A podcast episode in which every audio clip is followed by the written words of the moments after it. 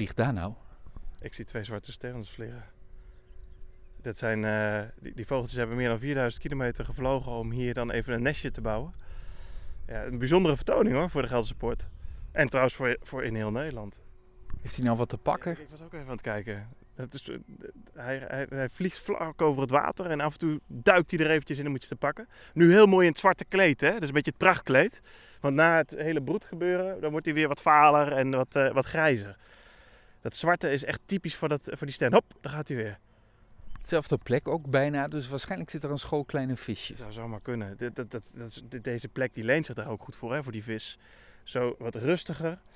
En eh, ja, eh, wat niet direct aan de rivier. Nu momenteel is, het wat lager, het water ook. Dus ja, echt wel een goede plek voor het jagen voor die sterns. We zijn in de buurt van een dijkje, daar in de verte liggen twee zwanen. Kunnen we even richting het water lopen? Ja, dus de wandelkade is dit.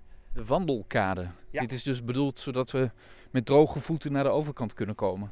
Dit is eh, ontstaan eigenlijk door dat project eh in Millingenwaard. Was, was toen helemaal werd, eh, inge- de inrichting was eigenlijk een beetje bepaald. En op een gegeven moment was er ook van het Kekerdom een geluid van ja, maar het rondje wat wij lopen, dan moeten we wel heel ver lopen.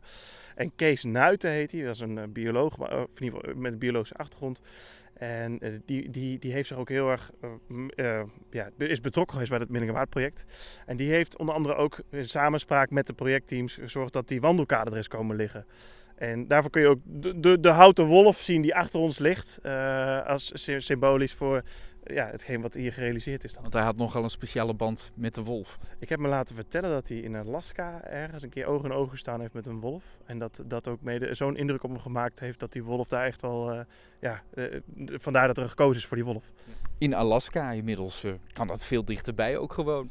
Ja, wie weet. Wie weet. Op de Ja, nou ja, er sowieso. zitten er genoeg in Ja, Gelderland. zo- Ja, precies. Gelderland wel. De ja. 20 wolven zijn we geloof ik voorbij. In Gelderland alleen al. En als je nou naar het water kijkt, dan zie je al wat die zwarte sterren waarschijnlijk aan het doen waren. Want overal, kijk daar ook, allemaal kleine visjes zie je, zie je wegspringen. Zit een beetje een kraamkamer, kan ik me zo voorstellen, voor, eh, voor vissen ook. Het is in ieder geval een hele goede plek inderdaad. Ja, een kraamkamer is wel een mooie. Daar zo rechts ook zie je allemaal kleine visjes. En, en ook insecten natuurlijk eet die sterren ook. Daar, daar vliegt hij weer. Het is inderdaad een beetje een, een, kraamkamer, daar leent zich goed voor. En iedere keer weer andere vissen. Hè? Want dat water, dat hoge water krijg je. Die vissen komen in die uiterwaard, het water zakt en die vissen zitten in die uiterwaard dan. En dan stijgt het water weer en dan krijg je weer een hele andere vis. Of, dus ja, het wisselt ook constant weer. Waarom is dit trouwens zo geschikt als kraamkamer? Nou, het grappige is, als we bijvoorbeeld de bittervoorn even pakken. Hè? Die, die bittervoorn die gebruikt een mossel om, om zijn eitjes in af te zetten. Het mannetje zorgt ervoor dat die mossel open gaat, een beetje op die mossel tikken. En het vrouwtje legt dan de eitjes erin. Maar dat kan alleen in heel schoon water. Dus eigenlijk zegt dat iets over de waterkwaliteit hier ook. Het is heel schoon water. Dus dat maakt hem in ieder geval voor die bittervoorn maakt het een hele geschikte plek. En het is ondiep. Het water warmt lekker op. Ik kan me voorstellen dat dat ook voordelen heeft. Ja, het wisselt een beetje. Hè? Het is ondiep, maar ook dieper. Dus er zit van alles door elkaar. Hier zo achter ons heb je dan een beetje de Millingwaard.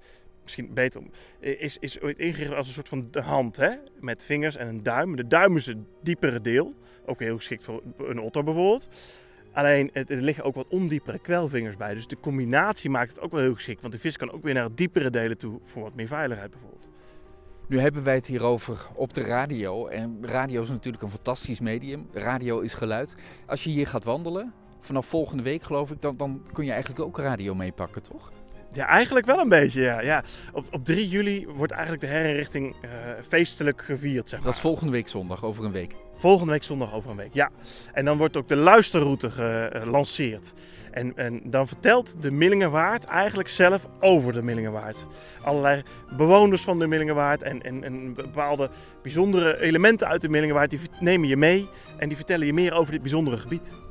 Dat klinkt wel gaaf. Het is heel gaaf. Ja, daar word ik wel enthousiast van als, Ja. als radiomaker.